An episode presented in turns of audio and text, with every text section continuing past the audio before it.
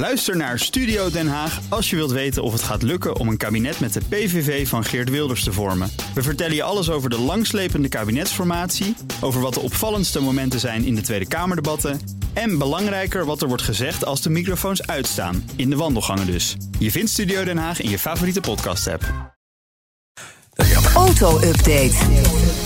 Ja, op afstand deze maal. Meindert Schut, presentator van de Nationale Autoshow. Want nou, Broekhoff is een weekje, ik hoop voor hem met de auto met vakantie. Meindert, goedemorgen. Goedemorgen, Bas. Hey, Apple heeft weer iemand weggekaapt bij Tesla. Wie? Ja, ja, dat is eh, Christopher Moore. Hè. Je gaat je langzaam afvragen of er überhaupt nog iemand bij Tesla werkt aan de software. Maar uh, uh, Christopher Moore was hoofd softwareontwikkeling zelfrijdende auto's bij Tesla. Nou, die naam kun je ook wel kennen, want Moore die zei eerder dit jaar nog dat Elon Musk's beloftes qua zelfrijdende techniek op dit moment in elk geval niet technisch uitvoerbaar zijn.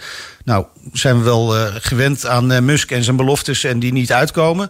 Maar uh, hij gaat dus nu voor Apple werken met Stuart Bowers. En dat is dan weer de voormalig autopilot-teamleider bij Tesla... die eind 2020 al naar Apple kwam.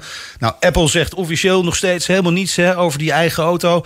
Maar het lijkt er toch op dat ze die in 2024 willen gaan bouwen. En ze hebben dus nu met Christopher Moore weer een nieuwe stap gezet. Ja, kijk al. Dan naar de, de Nissan GTR, het, het, het, het, sportmodel. Ja. Iedereen die je lief heeft, die betaalt gelukkig mee... aan de ontwikkeling van dat soort auto's. Alleen het jammer is nu, voor het eerst in al die tijd... komt er een hybride...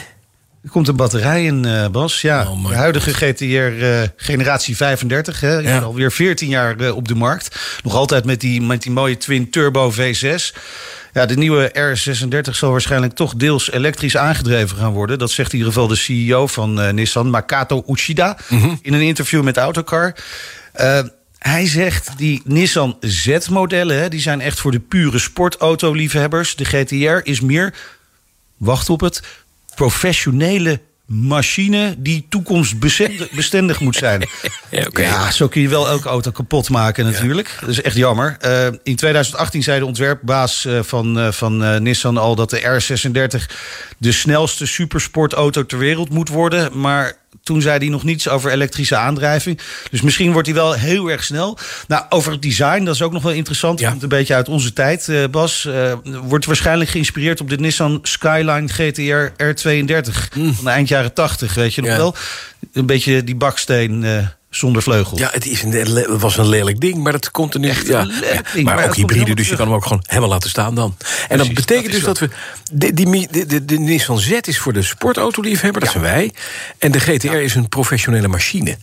ik heb een machine. Ja, ik heb een dubbeldeurs ijskast van de firma Samsung. Ook een professionele ja, nou, eh, dan is het goed nieuws, Bas. Ja. Door de strengere regels van Europa. En daar hebben we dan eindelijk een keer Ja. voordeel aan. Ja. De R36 komt gewoon alleen naar Japan en de VS. Hij komt hier gewoon niet. Prijs de heer.